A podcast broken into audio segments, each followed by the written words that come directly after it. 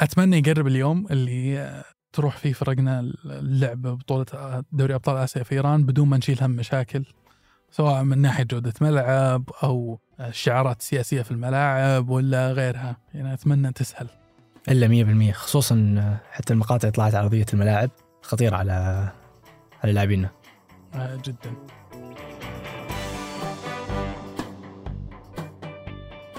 هذا بودكاست الفجر من ثمانية. بودكاست فجر كل يوم نسرد لكم فيه سياق الأخبار اللي تهمكم. معكم أنا ريان دعفس. وأنا فهد البراك.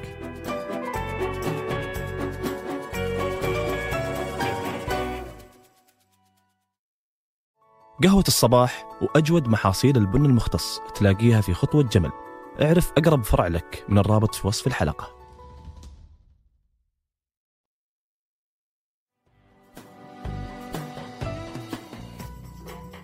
قبل أربع سنوات وتحديدا في 2019 أقر البرلمان المصري أهم تعديلات دستورية في تاريخ مصر خلال العقد الماضي. وشملت التعديلات تمديد فترة ولاية الرئيس الحالي عبد الفتاح السيسي لمدة ست سنوات والسماح له بالترشح بعدها لفترة جديدة مدتها ست سنوات ثانية تنتهي في 2030 أعلن الرئيس عبد الفتاح السيسي هالأسبوع ترشحه لفترة رئاسية جديدة وذكر أن هذه الخطوة هدفها تلبية نداء المصريين. وتزامنا مع هذه الخطوة أطلقت أحزاب موالية لترشحه حملات ومسيرات في الميادين الرئيسية بالقاهرة والمحافظات. ومع إعلان السيسي الترشح رسميا صار عدد اللي أعلن رغبتهم في دخول سباق انتخابات سبع أشخاص من بينهم خمس رؤساء أحزاب. مثل أحمد طنطاوي رئيس حزب تيار الكرامة السابق وعبد السند يمامة رئيس حزب الوفد الليبرالي وحازم عمر رئيس حزب الشعب الجمهوري وأحمد الفضالي رئيس حزب السلام الديمقراطي وفريد زهران رئيس الحزب المصري الديمقراطي الاجتماعي وجميلة إسماعيل رئيسة حزب الدستور. ولكن ترشح انتخابات مصر ما هي مسألة سهلة. فهي عملية لها شروط كثير. وأصعب شرط فيها هو حصول مرشح على دعم وتوقيع 20 نائب في مجلس النواب. أو الحصول على توكيلات انتخابية بالترشح من 25 ألف مواطن موزعين على 15 محافظة على الأقل بحد أدنى ألف توكيل من كل محافظة. عموما فهذا الشرط ما راح يكون صعب على السيسي. كونه مدعوم من نواب عدة أحزاب. وتعتبر الانتخابات الرئاسية الجاية حساسة لعدة أسباب. على رأسها أن مصر تمر بأزمة اقتصادية عميقة. وإجمالا ساهمت عوامل خارجية مثل الحرب في أوكرانيا في الأزمة الحالية فمصر تعاني اليوم من ارتفاع أسعار الغذاء. كونها تعتمد من فترة طويلة على واردات الوقود والغذاء من الخارج وبسبب الحرب صارت تكلفتها عالية جدا. بالإضافة لهذه المشاكل تواجه مصر تحديات التمويل الأجنبي قصير الأجل اللي أصبح أيضا تكلفته عالية وهو الشيء اللي أدى لانخفاض قيمة الجنيه وارتفاع التضخم وصار يأثر بشكل سلبي على الطبقتين المتوسطة والعاملة بشكل خاص. ورغم أن مصر مرت بأزمات اقتصادية من قبل إلا أن مشاكل اليوم تعتبر مختلفة ومعقدة.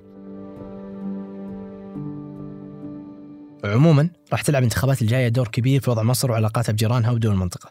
فمصر بالإضافة إلى مكانتها كإحدى أكبر بلدان المنطقة وأهمها على المستوى الاستراتيجي تترأس حاليا الاتحاد الأفريقي وتحتضن مقر جامعة الدول العربية. وأي تغييرات سياسية فيها راح تؤثر على كثير من الجوانب السياسية والإقتصادية مع الكثير من الدول والمنظمات الدولية. سواء وصل السيسي أو أي رئيس آخر للحكم الفترة الجاية راح تواجه مصر في كل الحالات ضغوط وتحديات. فحتى تضمن الحصول على الدعم والتمويل راح يتوقع من الرئيس القادم أنه ينفذ إصلاحات جوهرية تخرج مصر من أسوأ أزمة تعيشها في آخر عشر سنوات.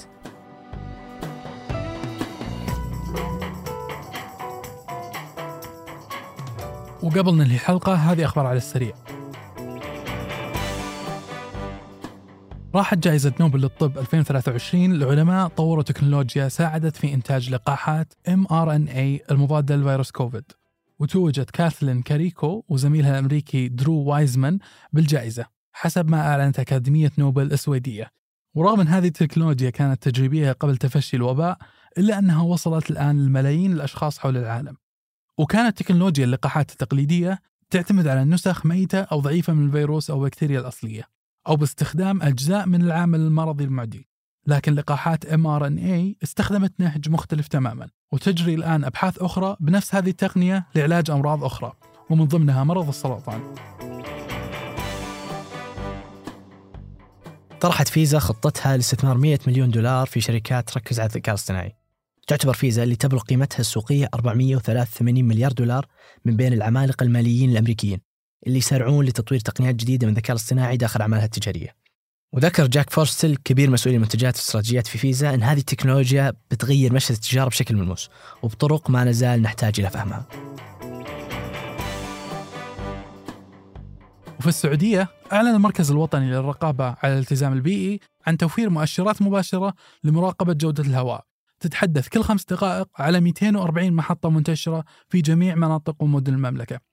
وبيكون توزيع محطات مراقبة جودة الهواء بآلية معينة تأخذ في الاعتبار الكثافة السكانية وتوزيع المدن الصناعية والمنشآت ذات الأثر البيئي لأجل ضمان بقاء العناصر المكونة للهواء في مستويات آمنة على الصحة.